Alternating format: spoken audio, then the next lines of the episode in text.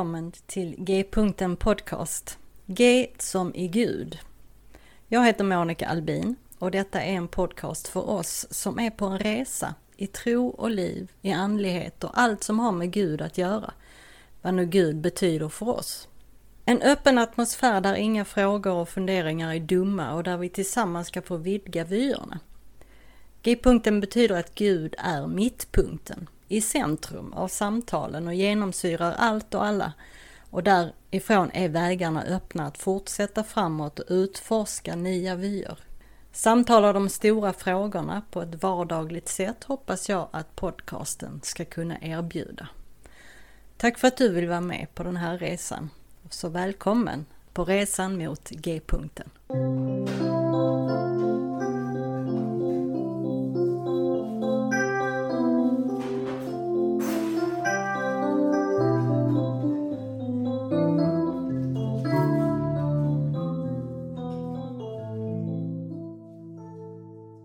Hej och välkommen tillbaka till ett nytt avsnitt av G-punkten Podcast. I dagens avsnitt så samtalar jag med Petra Karlsson Redell om hennes bok Gråstens teologi. Petra är professor och högskolelektor på EHS, alltså Enskilda högskolan i Stockholm. Hon är också författare till flera böcker samt Eh, många andra publikationer som ja, du kan läsa om dem på hennes profilsida på EHS hemsida och den länkar jag till i avsnittsbeskrivningen. Petra är också präst i Svenska kyrkan och ledamot i Svenska kyrkans teologiska kommitté. Vi får ett väldigt fint och generöst samtal tillsammans då det mesta hon skriver om i sin bok stämmer, stämmer väl med mig och mina tankar. En härlig människa att prata med. Och jag hoppas att du också kommer att gilla det här avsnittet, det här samtalet. Tycker du om det så gilla och dela gärna avsnittet på dina sociala medier till dina vänner och följ podcastens Facebook-sida och blogg. Och skriv som sagt dina funderingar och kommentarer antingen på Facebook-sidan eller kommentera på bloggen. Så här kommer då samtalet med Petra Karlsson Redell. Välkommen till G-punkten Podcast, Petra Karlsson Redell. Tack så mycket. Vad roligt att du vill vara med. Kul att du frågar. Mm. Äh, inom akademiska och teologiska kretsar så vet nog många vem du är och så, och säkert även andra också. Men kanske inte alla, så du kan väl bara presentera dig lite övergripande. Ja, jag är eh, professor i, i teologi, det ämne som heter systematisk teologi. Jobbar på Enskilda högskolan i Stockholm som tills för några år sedan hette Teologiska högskolan. Mm. Och jag är präst i Svenska kyrkan sedan 20 eh, år ungefär. Ehm, ja, det, det är väl det. och så, eh, du bor där omkring någonstans eller? Ja men precis, jag bor i Stockholm, lite söder om Stockholm. Ja, mm. Jag kommer från Östersund och Göteborg så att eh, jag känner mig liksom, ja nu har jag ju bott i Stockholm länge men ja, just det. rötterna här. Ja, och du bor där med din familj eller dina barn? Ja, precis. Jag har eh, två barn och en man, tre råttor och en katt. Och förhoppningsvis en hund på en gång. Åh, det låter underbart. Ja. Tre råttor och en katt, det låter spännande. Ja. ja, igår, vi hade ingen god mat hemma igår, så då såg katten faktiskt lite hungrig ut när på råttorna. Annars så brukar han liksom kunna tänka, tror jag, att de är någon slags del av flocken. Ja, just det. Du, jag köpte din bok Gråstens teologi. Och jag såg bilden på framsidan med eh, plakatet som säger då Climate change, what the fuck. Uh, och jag tänkte, oh det måste vara en bok för mig. Så... Kanske inte alla känner när de ser det. Nej, jag, jag, jag är lite sådär på det hållet. och så när jag såg innehållsförteckningen så blev jag övertygad om det. Så. Och sen kände jag igen ditt namn och mindes att jag hört dig intervjuas av eh, Trip Fuller i Homebrew Christianity podcast. Ja, just det. Och det var ju kul tyckte jag. Så nu var det liksom ännu en vink om att jag skulle kontakta dig. och vi ska prata om din bok och ditt övriga arbete och så, men först då, Skulle du vilja berätta lite om eh, din historia, din uppväxt, om man var troende i ditt hem eller hur kom Gud in i bilden och när och hur förstod du att du ville bli präst och sådär? Ja, jag eh, växte upp i en, eh, en baptistisk familj kan man säga, eller i alla fall så fanns ett bapti tydligt baptistiskt eh, arv. Mm. Men eh, mina, så mina föräldrar de träffades i en liten baptistkyrka i Östersund, eller en samarbetsförsamling var det mellan baptist och mission. Eh, och de eh, hade nog rätt så kul där tror jag i sitt ungdomsgäng och sen var det liksom många av dem som drog iväg och pluggade i Uppsala och på Chalmers i Göteborg och sådär. Eh, och jag, men jag tror att mina föräldrar ganska tidigt tillsammans bestämde sig för att deras barn skulle inte behöva liksom, leva med, med den här eh, med det som de uppfattade som baksidan av frikyrkomiljön, det vill säga att man inte fick ha roligt. Och liksom, alltså så som de hade upplevt att de här, inte fick gå på bio och inte mm. fick gå på fester och så där. Eh, så, så, att jag, på ett sätt tänker jag att jag har nog lite grann fått plocka russinen ur kakan ur det som var frikyrkomiljön, för jag hade ja, men kände någon slags väldig trygghet i den där församlingen. Det var mormor och farmor och farfar och morfar och deras kompisar och de var alltid liksom kramiga och liksom, ja, men det var mycket kärlek och värme i den gemenskapen.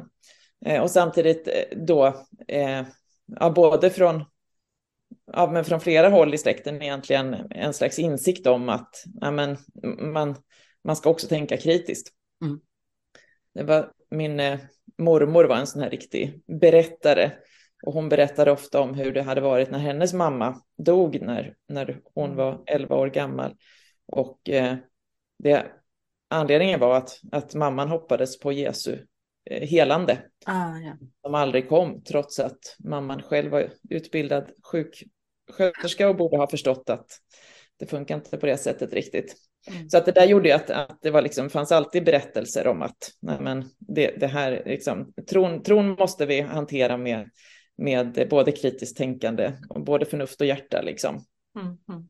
Så, eh, ja, men, men sen så, och, ja, sen så var det väl så att jag var ändå så intresserad av och fascinerad och säkert liksom, ja, men det här nedärvda, så att man hade liksom levt och brottats mycket med, med, med tron eh, i min familj och släkt.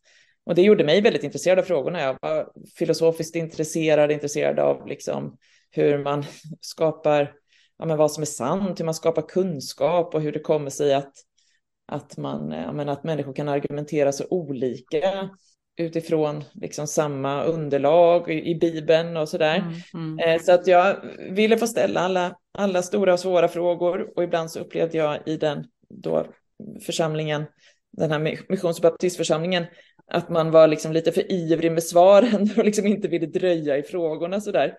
Just det. Jag minns att jag läste eh, P.O. Enquist då, den här Levis resa och han beskriver hur han, hur han i sin eh, frikyrkomiljö ibland får så enkla svar att han inte kan tro. liksom frågorna är så svåra och svaren är så enkla så man kan bara inte tro. Liksom.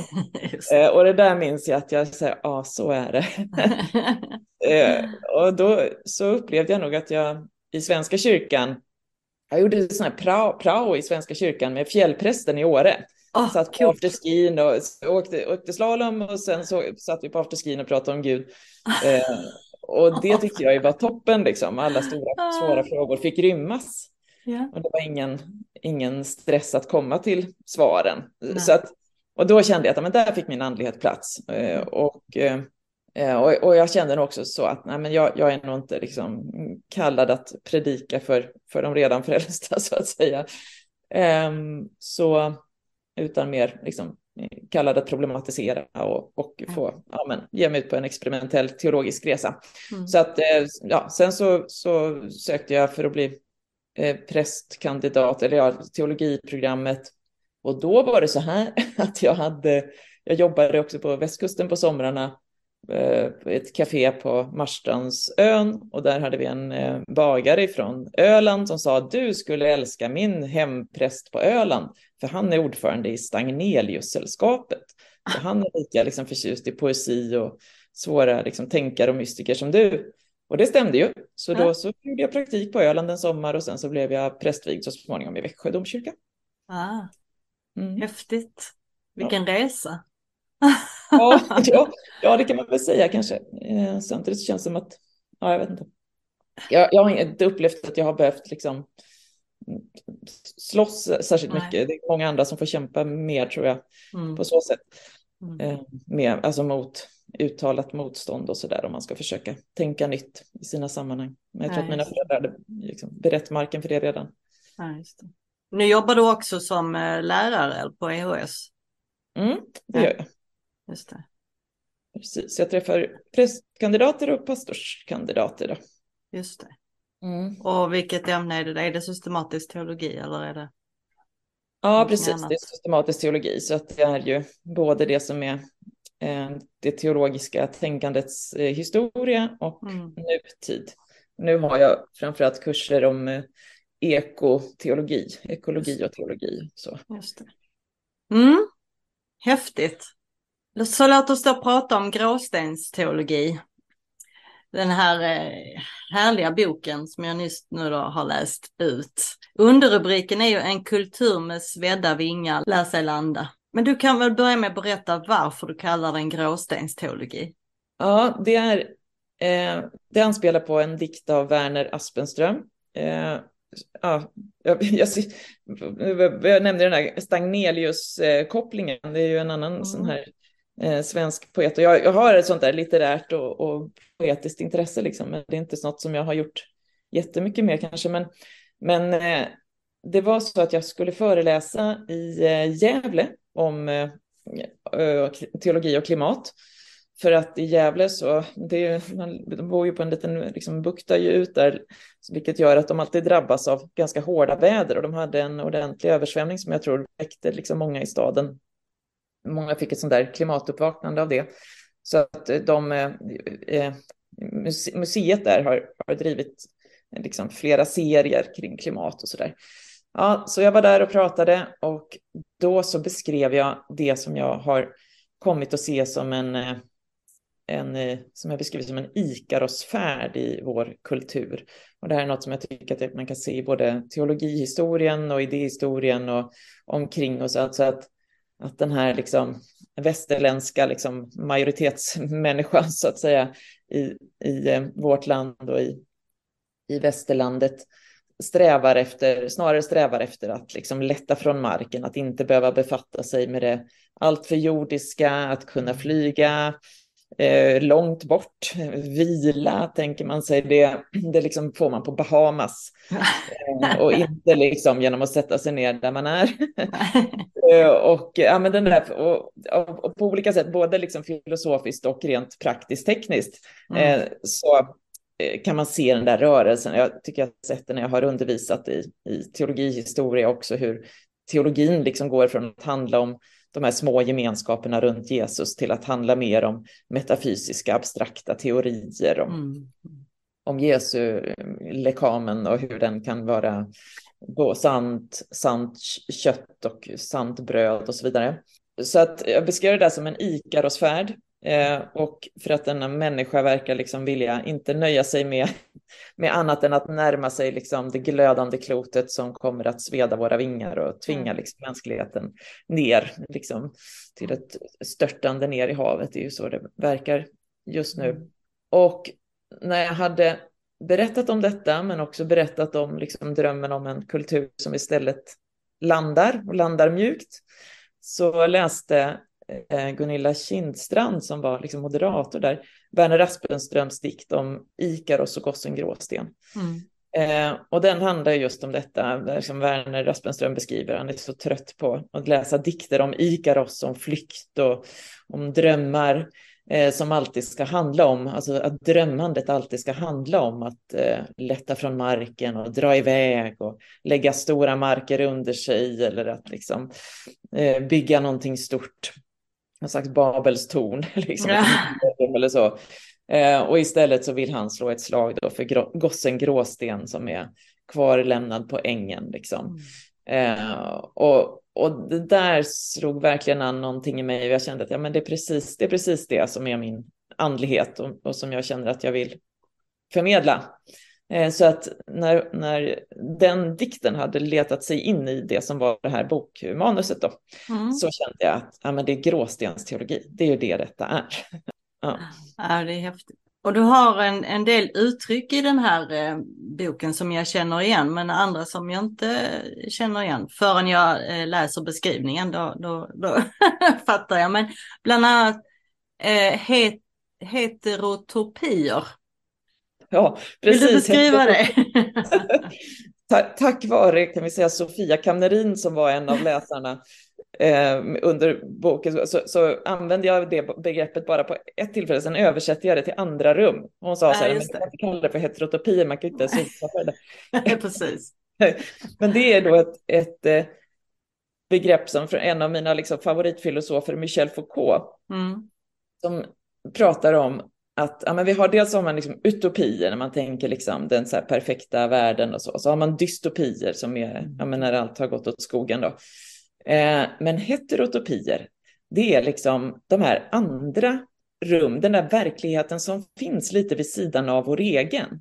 Mm. Och det är egentligen något ganska vardagligt. Jag tycker kanske att den bästa beskrivningen det är det här liksom, om man tänker att man åker ut på, till ja, sommarstugan eller mm. om man har liksom, när man åker iväg på semester. Liksom man, man bryter det som är vardagsmönstren mm. och så får man komma in i ett annat rum. Jag kallar det helt enkelt för andra rum.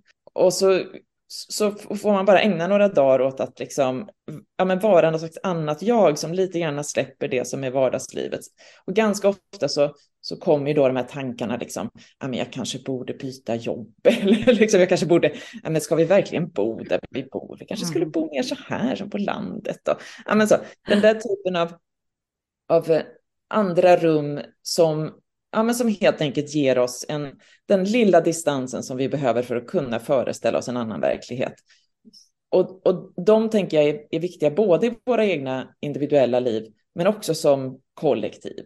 Att vi kan visa varandra på, på andra rum där, som bara ger oss den där möjligheten att liksom glänta på dörren till vad ett annat liv skulle kunna vara. Och jag tänker också att det där är viktigt i, i andliga sammanhang. Ibland kan man få föreställningen om att nej, men en, en sant kristen, en riktigt liksom, duktig andlig människa, den ska bara befinna sig i ett enda liksom, rum och det är att Kristus, de ska alltid tänka på, liksom, alltid leva med Kristus i centrum som en, liksom, sådär. Och så, och så tänker man, men tänk om det, det här transcenderandets liksom, möjlighet, transcendensen, det som är liksom, överskridandet, rörelsen, mm. det som är större än det vi själva liksom, kan förstå. Om det liksom kräver den här rörelsen in i att öppna oss för, för de andra rummen, de andra verkligheterna. Också i, i andlig mening då, också i våra andliga liv. Ja, det, det är någonting som, jag, jag, som ligger mig varmt om hjärtat. Richard Rohr pratar ju om det också, om att include and transcend. Alltså ta med dig det du har. Kasta inte det på sophögen liksom, utan ta med dig det, erfarenheterna och det som är bra och så gå vidare liksom i, in i nästa del in i nästa fas eller in i nästa del av livet som eh, kan föra ja, det vidare. Liksom. Ja, både andligt och ja, helt holistiskt egentligen. Ja, men precis. Och då blir ju den här liksom, transcendensrörelsen, övers alltså då blir, om man tänker Gud som transcendensen så blir Gud kanske snarare till ett verb, en rörelse, det, möjligheten att transcendera, eh, att gå vidare. Precis. I uh, det som du kallat för metoo i Jesus släkt. Mm. Uh, där tar du upp släkttavlan i Matteus evangeliet och det, det, är en av mina favorittexter att uh, predika över i advent. Men det är ju annars när det gäller uh, Jesus och så, så är det ju för många i alla fall, det är ganska lätt att hålla sig på ytan att Jesus är världens frälsare, punkt. Och så citerar vi Paulus eller Johannes 3.16 och, och så här.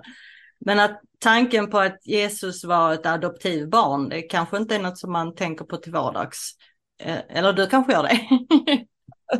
Nej, det där var... Ja, jag jobbade med den där eh, texten och de tankarna och det, det enkla faktum då egentligen, för det är jättehäftigt att höra att du predikar om det, för det, jag har inte tror jag, hört någon predika om det på det sättet Alltså det faktum att precis de kvinnorna som, som mm. finns i den där släkttavlan, mm. alla skulle liksom lätt kunna skriva under på metoo-uppropet. Och de är liksom, både för att de är, ja, men de är, är offer för övergrepp, mm. också väldigt handlingskraftiga. Mm -hmm, eh, och i, i viss mån också liksom använder sin, liksom, eh, ja, men en, en slags liksom, erotisk, liksom, medveten, eller använder liksom erotisk kraft för att mm påverka både politik och, och sina egna liv och sådär. Mm. Eh, så att det är ju ingen av dem som skulle passera någon slags kristen heteronorm av, liksom, så, så, som man tänker sig, eh, mer ja, som, som den har framställts idag. Då. Eh, men, och, och där är ju Jesusgestalten då som dessutom adopterad in i, i detta, liksom, denna kedja av otrogna och liksom, ja, men övergreppsoffer och så vidare. Eh, det, det, blev så starkt för mig, för jag, när jag höll på och jobbade med det så, så, upp, så, så skrevs det en hel del om adoptivbarn och om hur en, ja, men en del kristna rörelser också hade varit med i det som förmodligen, förmodligen ganska omedvetet, men ändå att man var med i, i någon form av liksom, eh, handel med, med adoptivbarn. Och då när jag liksom bara ser att men Jesus är ju ett adoptivbarn. Och det, ja, jag tyckte att det, det, blev, det hände någonting för mig med den mm, med, med Jesus-gestalten då. Mm. Ett kapitel du har heter Korsträd och lynchträd. Och jag har precis lyssnat klart på James Cones uh, The Cross and the Lynching Tree. Och alltså, det, det känns ju i hela kroppen när man hör ja. eller läser eh, berättelserna om lynchningar och hur det gick till. Hur det gick till då och sen tänker jag att då har vi ju inte kommit så himla långt egentligen heller när man när det fortfarande behöver finnas Black Lives Matter rörelse och händelser som George Floyd och, och de andra. Men säg lite om hur du ser sambandet mellan lynschträdet och, och korsträdet och vad det har för konsekvenser jag var gästforskare på, i New Jersey på Drew University precis under när Black Lives Matter-rörelsen var, eh, var som ja, men, hade, hade liksom blivit stark igen, får man ju säga, mm, ja. då för ett par år sedan.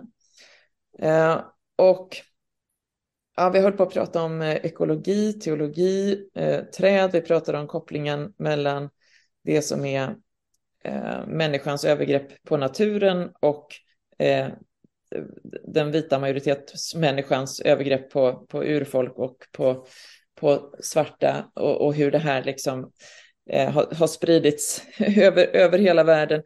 Ehm, och väldigt ofta just i kristna eh, länder och, och sammanhang. Och så det, det, som hände då var dels att jag fick upp ögonen på ett nytt sätt upplevde jag för det som är eh, de rasistiska strukturerna i USA.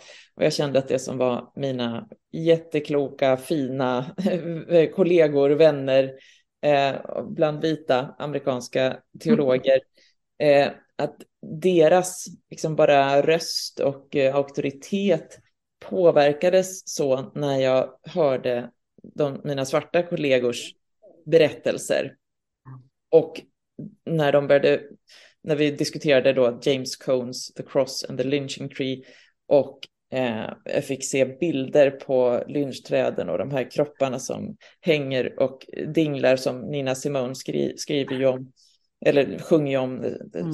Strange Fruit, mm, eh, som hänger från träden och eh, med James Cone då som beskriver hur, hur eh, eller bara återger eh, tidningsartiklar där skolorna har, har håller stängt för att alla, barnen ska, alla vita barn ska åka iväg och titta på lynchningar. Och eh, folk tar med sig alla kameror och, och tar kort. Och det står där i någon tidning att det, eh, kamerorna klickar hela förmiddagen för att man ska ta bilder på de här döda svarta kropparna som hänger i träden. Och jag och, och när James Cone själv är 80 år gammal, och jag kan knappt liksom prata om det utan att bli tårig, för att då är han 80 år gammal och beskriver då hur han minns från barndomen hur hans eh, föräldrar fick eh, försöka skydda barnen och försöka få dem att inte, ja förstås bli alltför hämmade i sina liv och samtidigt, och samtidigt kunna ja, men klara sig helt enkelt. Eh, och att att leva med ett sånt arv som ändå det är, det, men det, det är 19, det är, våran, det är min mormor och morfar liksom. Mm. Ehm, det är inte så länge sedan. Och leva med det och ja, så färskt i minnet i en hel kultur eh, nu i vår tid och att vi ändå vet så lite om det. Mm. Eh, det, det, det, känner jag är, det rör, det rör mig djupt och dessutom så, så tycker jag att jag har starka kopplingar till det som är vår tids ibland lite så romantiserade föreställningar om naturen och, mm. liksom, men, och vi är, är liksom skogsmänniskor som kan gå ut och, och känna oss liksom att vi blir hela och, och upprättade och så när vi pratar med träd eller liksom ja. sådär i skogen och så. Och så inser man att nej, skogen är ett skräckkabinett för många människor idag, liksom ett nedärvt, liksom, nedärvda föreställningar om, om detta. Och, och, som du säger, än idag så, så händer det här. Mm. Eh, och då när, när James Cone då eh, för, orkar då vid 80 års ålder börja hantera och skriva om det här. Han har ju skrivit om, om svart teologi och förtryck och så i alla tider, men inte mm. om kanske det allra svåraste då, mm. som han själv beskriver det. Eh, och så inser han liksom då bara, ja men korsträdet, det är ju så vi kallar det. Det mm. rör om, om, om korset som, som trädet och där hänger ju han och dinglar. Mm. Liksom. Eh, och här hänger, och det var det som var min barndomsskräck. Och, och plötsligt så, så kan han liksom bara läsa hela Jesusberättelsen eh, i ljuset av, av lynchträden och så framträder de som, ja, men som någonting som också är, precis det som den kristna tron liksom bara protesterar, går rakt in i, visar på och liksom protesterar mot genom att sedan tala om en, en uppståndelse och, och en liksom upprättelse genom detta. Mm. Så ja, jag tycker att den är, den är, ja, den, den boken, så, ja precis, den finns att lyssna på. Ja. Mm. Ja, ja nej, det, det, är jättebra att den finns där för att man, det är inte alltid man hinner läsa alla böcker och liksom sitta ner och läsa alla böcker man vill nej, det läsa.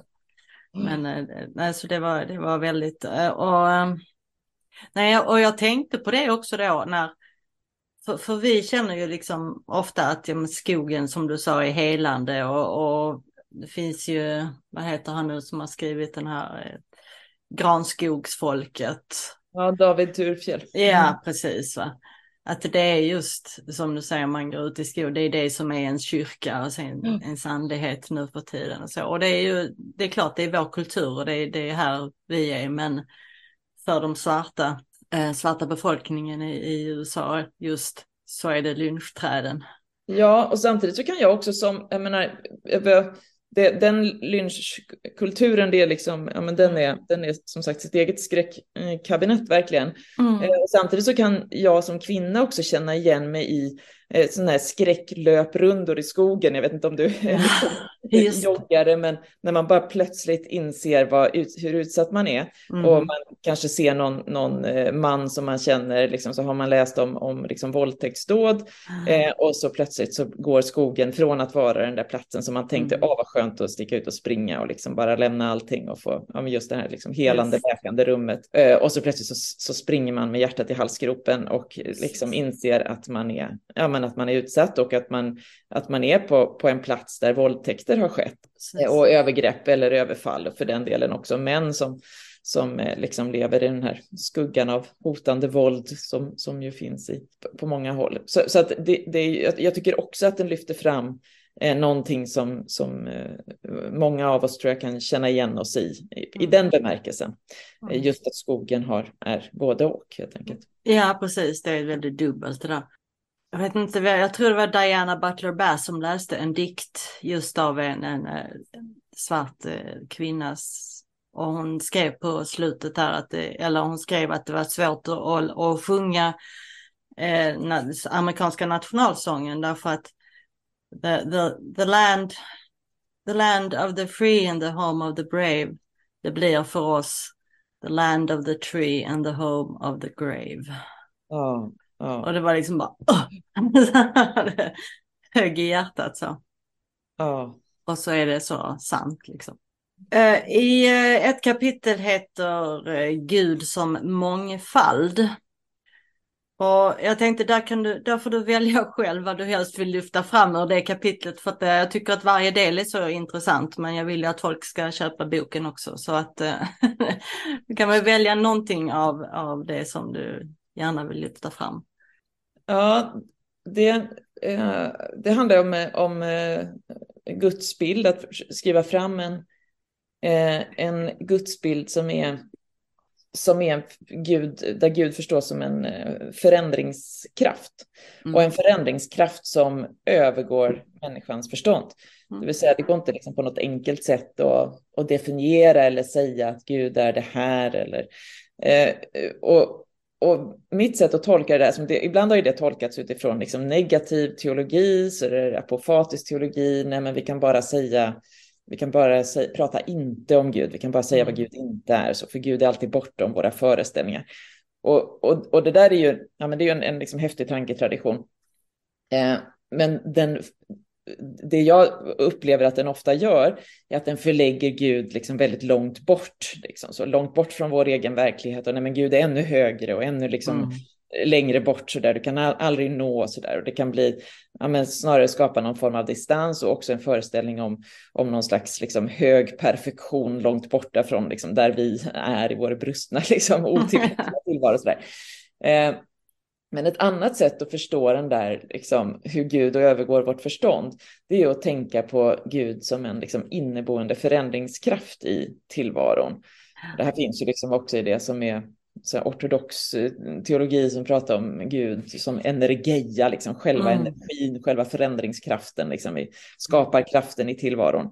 Mm. Eh, och, men då läser jag i den där kapitlet fram det där bland annat genom en, en grupp eh, nunnor, eller de är en queer-aktivistisk grupp som jag har skrivit ja, om vid flera tillfällen, eh, som, eh, som då, alltså det, det, det var en, en grupp eh, transor som eh, på 60-talet eh, gjorde en superprovokativ eh, aktion där de klädde ut sig till nunnor och delade ut nattvarden i form av kondomer och vin. tror jag liksom, det blev ju världens, det blev ju världens grej att det där naturligtvis. Så, så. Men, men det intressanta var att, att det var många kristna och även såna här lite mer liksom traditionella. Jag vet att det är framförallt någon sån baptistisk pastor där från södern som egentligen var ganska liksom, konservativ. Så, men, men han kunde ändå se att nej, men här har vi liksom det som också är en slags frälsnings... Alltså en, en, det handlar om befrielse, det handlar om frälsning. Man, det är en, en, tolkning av, av det kristna som, som vi måste kunna liksom läsa utifrån mm. frälsningsberättelsen och frälsningstematiken. Eh, de här eh, transmännen då, de var ju inte eh, de var inte själva, de gjorde inte det här som en troende gärning, utan för dem var det helt enkelt så att de hade upplevt eh, från att ha gått i liksom, katolska skolor och så, att det var nunnan som på något sätt liksom personifierade förtrycket mot deras sexualitet och deras kroppslighet. Så de upplevde helt enkelt att men det här är det, det yttersta liksom, tecknet på eller liksom symbolen för det som är vår ofrihet, den, den, det är den, det katolska nunnedoket. Så därför så liksom satte de på sig det själva och sen liksom började leka med det mm. uttrycket. Eh, och det jag visar på är ju hur det där leder till, för sen så utvecklas den där rörelsen och den finns fortfarande, Sisters of Perpetual Indulgence heter de, och den finns över hela världen nu. Eh, och de står upp för hbtq-rättigheter och de har också på flera håll eh, varit med, liksom, med i, i kyrkor och, och liksom ett, ett sånt samtal sådär.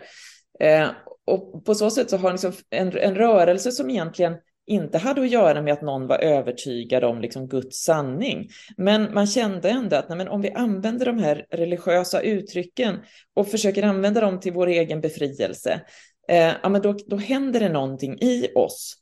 Eh, och, och, för mig så är det så häftigt att men det är inte alltid så att det, det är inte liksom mänskliga intentioner och idéer som styr gudskraften, utan gudskraften bor liksom i, ja, men i allt och i de religiösa tingen. Så att de där nunnekläderna i sig själva bidrog till en typ av liksom befrielse och frälsning och upprättelse för, för människor. Mm. Eh, och, så det där blir ett, för mig ett av liksom, en, en bild för, för Guds mångfald. Mm. Alltså hur Gud är någonting som vi inte kan kontrollera. Eh, en liksom befrielsekraft, en frälsningskraft eh, och skapelsekraft som finns i världen som ibland liksom verkar långt bortom vårt förstånd och liksom mm. helt eh, utanför hur liksom kristna tänker sig att, att det ska vara. ja, och då, då blir ju Gud inte den här apofatiska guden långt borta utan snarare väldigt nära men lika outgrundlig. Just. Det är liksom, ja, det, det, den typen av tanke försöker jag skriva fram i det där kapitlet. Ja, det. Mm. ja, det är jättespännande. Eh, I sista kapitlet pratar du bland annat om människoapan Jesus. Mm. Har du fått några elaka brev om det? nej, nej, jag, nej, det har jag inte fått. Men det var någon som... men jag har märkt att några liksom studsar på det där. Eh, ja, det kanske inte är så konstigt, men jag, samtidigt, tycker inte jag att, samtidigt tycker jag att det är bara en eh, ganska här, krass beskrivning av inkarnationen. Alltså att men om Gud och det handlar ju om att vidga, vidga det kristna bortom det strikt mänskliga. För att det är ju det är flera ekologiska tänkare som har kritiserat kristendomen för att fokusera för mycket på människan mm. och för lite på resten. Och jag har liksom jag har svårt att se att, att det inte finns en poäng i det. Sen finns det massa, massa delar av, av det, det kristna som också handlar om att liksom vörda skapelsen och, och liksom sakramentalitet och se liksom, eh, Guds eh, hand i, i liksom Guds verk och sådär. Men, men, men i slutändan så upplever jag ofta i kyrkor att, att det handlar om människan, nästan och Gud. Mm. En alltså så här triangel av men, människans relation till andra, människans relation till Gud och människans relation till sig själv. Om man ska prata om skapelsen eller be för liksom klimatet eller så, ja, men då kommer det lite i förbönen som en svans. Liksom. Eller man lägger in en psalm som säger något om blommorna på ängen. Nej, men, det liksom, men det, jag upplever att det är så att, att eh, resten, resten liksom, säga, allt det som inte är, har med det mänskliga att göra, det hamnar lite på undantag. Och, så, och, då, och jag, ja, så finns det ju den här, eh, en feministteolog som heter Mary Daly som mm. Eh, på 70-talet skrev en, en bok som, som liksom verkligen fick stort inflytande, där hon säger att ja, men så, länge, så länge Gud så länge Gud är man, ja, men då kommer mannen också att vara Gud, det vill säga mm. mannen kommer att vara lite viktigare i våra samhällen så länge vi ser det som är det allra viktigaste i vår tro, det vill säga Gud som en man. Liksom. Ja, och det där blev ju, liksom, fick, fick mycket inflytande. Så. Mm. Eh, och så när jag läste henne nu igen eh, ja, i något sammanhang så insåg jag att ja, men är det inte också så att så länge vi ser Gud som människa så kommer mm. människan att vara det viktigaste och lite viktigare än alla andra arter och än allt annat på planeten jorden. Mm. Och är det då så att den här religionen, kristendomen, kommer att kunna liksom visa oss vägar mot ett mer hållbart sätt att leva som människor tillsammans med resten av, av naturen? Eller, eh, eller måste vi liksom helt, eh, som Lynn White skrev eh, på 60-talet, måste vi liksom skriva om vår religion eller, eller liksom lämna den och skapa en ny religion? Sådär.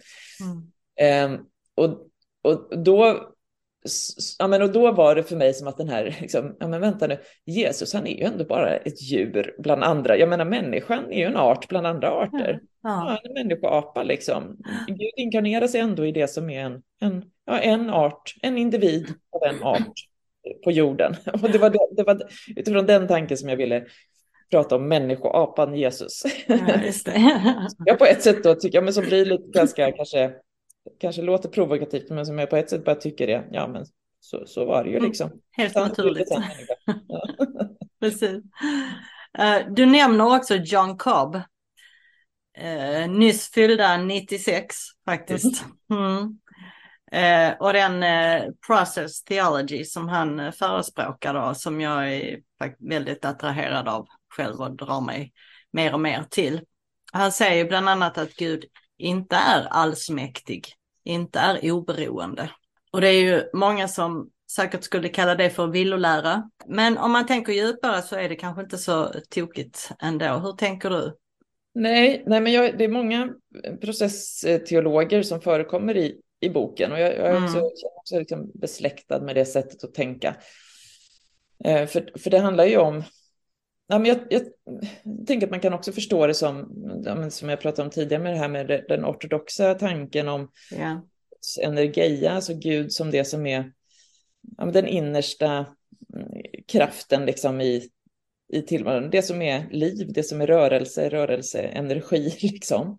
Eh, och om den eh, kraften är en del av allt och en del av det som är skapelse som får skapelsen att bli till och att fortsätta liksom utvecklas och så vidare, då är den ju inte oberoende. Jag menar, en, en skapare är ju ingenting utan sin skapelse. Nej. Då är, ja, då är man ju ingen skapare helt enkelt.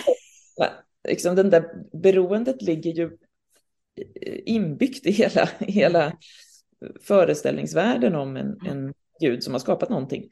Mm. Eh, och med Gud som en skaparkraft så, så är det ju så att man som, som kraft är man ju beroende av alla de rörelser man är del av så att säga. Mm. Mm. Eh, så att jag kan nog eh, verkligen tänka att den ja, på många sätt är, är helt i linje med, med stora delar av, av det teologiska tänkandet, både mm. i historia och, och nutid. Ja. Eh, Tom Ord har ju myntat uttrycket amipotent istället för omnipotent och skrivit en bok om det som kommer ut så småningom så jag ska försöka få till ett samtal med honom. Men det, det låter väldigt, eh, ja men det låter lockande tycker jag. Ja, just man det. kan utveckla det. Eh, mot slutet av din bok så skriver du om att just sätta inkarnationen i centrum. Och jag vill citera ett litet, en mening här. För en tro på en gud som varit en djurart och del av naturens heliga gemenskap är det självklart att trons konsekvenser blir att skydda och värna den stora helheten. Perfect! Bra avslutning. jag håller med helt eh, med dig och eh, därför blir jag väldigt förvånad när jag hör och ser delar av kristenheten som inte verkar bry sig om eh, varken miljön, klimatet eller djur och natur. Eller ens människors lika värde. Nej, det är väldigt förvånande att det kan bli, att det kan bli så. Mm. så ja, man läser väldigt olika. Ja, det är väl så. Ja. Finns det något annat som du skulle vilja säga om allt det här som jag inte har frågat dig om? Eh, nej, jag tycker vi har pratat om, om eh, många saker. Det är jätteroligt att få, få prata igenom boken. Ja. Sådär. Ja, min förhoppning är ju att den dels ska liksom diskuteras, man får ju gärna tänka annorlunda. Och att man, eh, men oavsett liksom var man landar i så så är ju förhoppningen att det ska liksom väcka ett engagemang i kyrkorna eller bidra till det som redan är ett stort engagemang i, i kyrkorna för eh, klimat och miljö och natur och just att det inte behöver vara någonting annat än, än det vanliga och vardagliga. Liksom. Nej, just det. Jag får bli en del av det kyrkliga livet och samtalet och trons mm. samtal. Nu har jag inte tagit upp eh, just den här biten, men du skriver ju en del om samernas historia också. Och den tragiska där de eh, förtrycktes och behandlades eh, så illa. Visst, visst skulle göra något arbete om det nu, eller hur, hur är det? Du skriver någonting om det, eller hur är det? Absolut, det är det som jag jobbar med, med mest just nu. Ja. Jag satt just här innan och, och läste jättespännande uppsats om, om hur Sverige förmodligen var, röstade nej till att kulturellt folkmord skulle kunna bli åtalbart eftersom att man eh, ju eh, insåg, precis som många andra länder också gjorde, att det som man hade gjort mot sina urfolk eh, skulle kunna bli åtalbart. En, en författare som, som menar det, att det finns skäl att, att tolka det så. Mm. Eh, men den samiska historien, det var ju så att då när jag, när jag eh, satt där i USA och eh, fick en typ av liksom djupare bara insikt om hur, hur, hur djupt den här liksom rasistiska historien i USA går. Så, så funderade jag på, för då blev jag ju sådär, jag blev liksom arg på mina vita kollegor, mm, mm. Liksom, hur, att ni inte skäms liksom. Ja. Så insåg jag, men vänta nu, när man pekar liksom, på någon annan så finns det ofta liksom, skäl att plocka bort bjälken i ens eget öga. Mm. Eh, och då var det just att jag liksom tänkte, vad har vi i vår historia? Ja, men det är ju den samiska historien. Mm. Och den, ju mer man läser om den, eh, desto mer så, ja, men desto svårare så är det att, att hålla tårarna tillbaka. Liksom. Det, det, det, är, det, är, liksom, det går inte att, att överdriva hur, hur eh, man har drabbats eh, i den kulturen och eh, fortfarande drabbas. Och kyrkan är ju en väldigt aktiv del i det förtrycket, även om det är många som också vill, vill väl. Eh, men där så, för mig så framträder det också så tydligt att deras sätt att till exempel se på markernas helighet mm. och det som då ibland har klassats som liksom irrlära, apropå människoapan mm. Jesus eller så, att kunna, liksom, när man kan tala med fråga bären om lov innan man plockar dem eller sådär. Men det där är inte sånt som kristna gör. Liksom. Det är väldigt mycket av det som är de, de typiska liksom, and, andliga uttrycken i den samiska traditionen som är sånt som, som jag upplever att men det är precis det där vi borde ha det, det, det är det vi borde ha, ha lärt oss liksom för länge sedan för att kunna leva ett mer hållbart liv. Så att mm. det är kombinationen av eh, förtrycket av det här folket mm. och förtrycket av en kristen lära då, eller liksom en andlighet mm. som, eh, som jag tror att vi egentligen skulle behöva. Eh, men nu så skriver jag för Svenska kyrkan om samisk andlighet och, och pratar med massa samer och andra som kan mycket och det är otroligt spännande och givande tycker jag. Ja, ah, vad spännande. Ja. Mm. Blir det någon bok om det så småningom tro? Det kommer att bli en bok som ja. jag bara skriver en del av förstås, för att det, det, är ju viktigare att samiska röster får komma till uttryck där. Mm. Vi, kommer, vi kommer att jobba en, en, en redaktion för att, att, ta fram en bok om samisk andlighet oh. eh, tillsammans med Samiska rådet, Svenska kyrkans samiska råd. Eh, så, så det, ja, men, ja, det, det, är på gång och kommer att bli. Ja, bra, det ser jag fram emot. Mm. Jag har en sista fråga kvar som jag frågar alla mina gäster. Och det är, var finner du njutning och välbehag just nu? Det gör jag i, framförallt tror jag i stallet med islandshästarna. Oh. Ja, det Djuren överhuvudtaget. Det tycker jag är väldigt, eh, jag ser att du har en katt där. Ja, precis. Men det där med en kattpäls. Ja. Det är ju en njutning som förstås inte allergikerna kan få. men, nej, men för mig är det väldigt, den där ordlösa gemenskapen med mm. andra arter, den tycker jag är otroligt vilsam. Kanske för att jag håller på med så mycket ord i mitt jobb, pratar så mycket. ja, precis. Och den där villkorslösa kärleken man möter i ett eh, hundögon eller i kattögon och hästögon. ja, ja, ja, verkligen. Ja, det är härligt. Men du Petra, tack igen för att du ville vara med. Tack så mycket för att jag fick vara med. Och det är absolut ingen omöjlighet att jag hör av mig igen framöver. Men jag... mer om det samiska. Ja, precis. Jag kommer längre med det arbetet. Mm. Ja, precis. Jag lägger en länk till din sida på EHS i avsnittsbeskrivningen och eh, en länk till det, den här boken också. Mm, det är bra. Så... Får jag uppdatera den där sidan kanske? Ja, det står mest om vem du är. Så, så ja, det är... Ja, Men eh, sköt om dig. Tack så... detsamma. Tack så hörs vi. Mm. Hej då. Jo. Jag hoppas att du tyckte om det här samtalet och att du också ser fram emot ett vidare samtal med Petra där hon får prata mer om samisk andlighet. Det låter jättespännande tycker jag. Och idag så vill jag avsluta med en liten mening ur ett av kapitlen. Det här får du ta med dig idag. Gud blir inte den som sitter på tronen, utan snarare den som sitter på varje pall, varje stol, i varje kökssoffa och fåtölj. Och i en radikal demokrati även den som vilar i varje gryt, under varje sten. Gud är de många rösterna. Gud är ett med världens mångfald. Det är då i ömsesidigheten som skaparkraften bor. Vi ses snart igen. Ha det bra så länge. Hej då.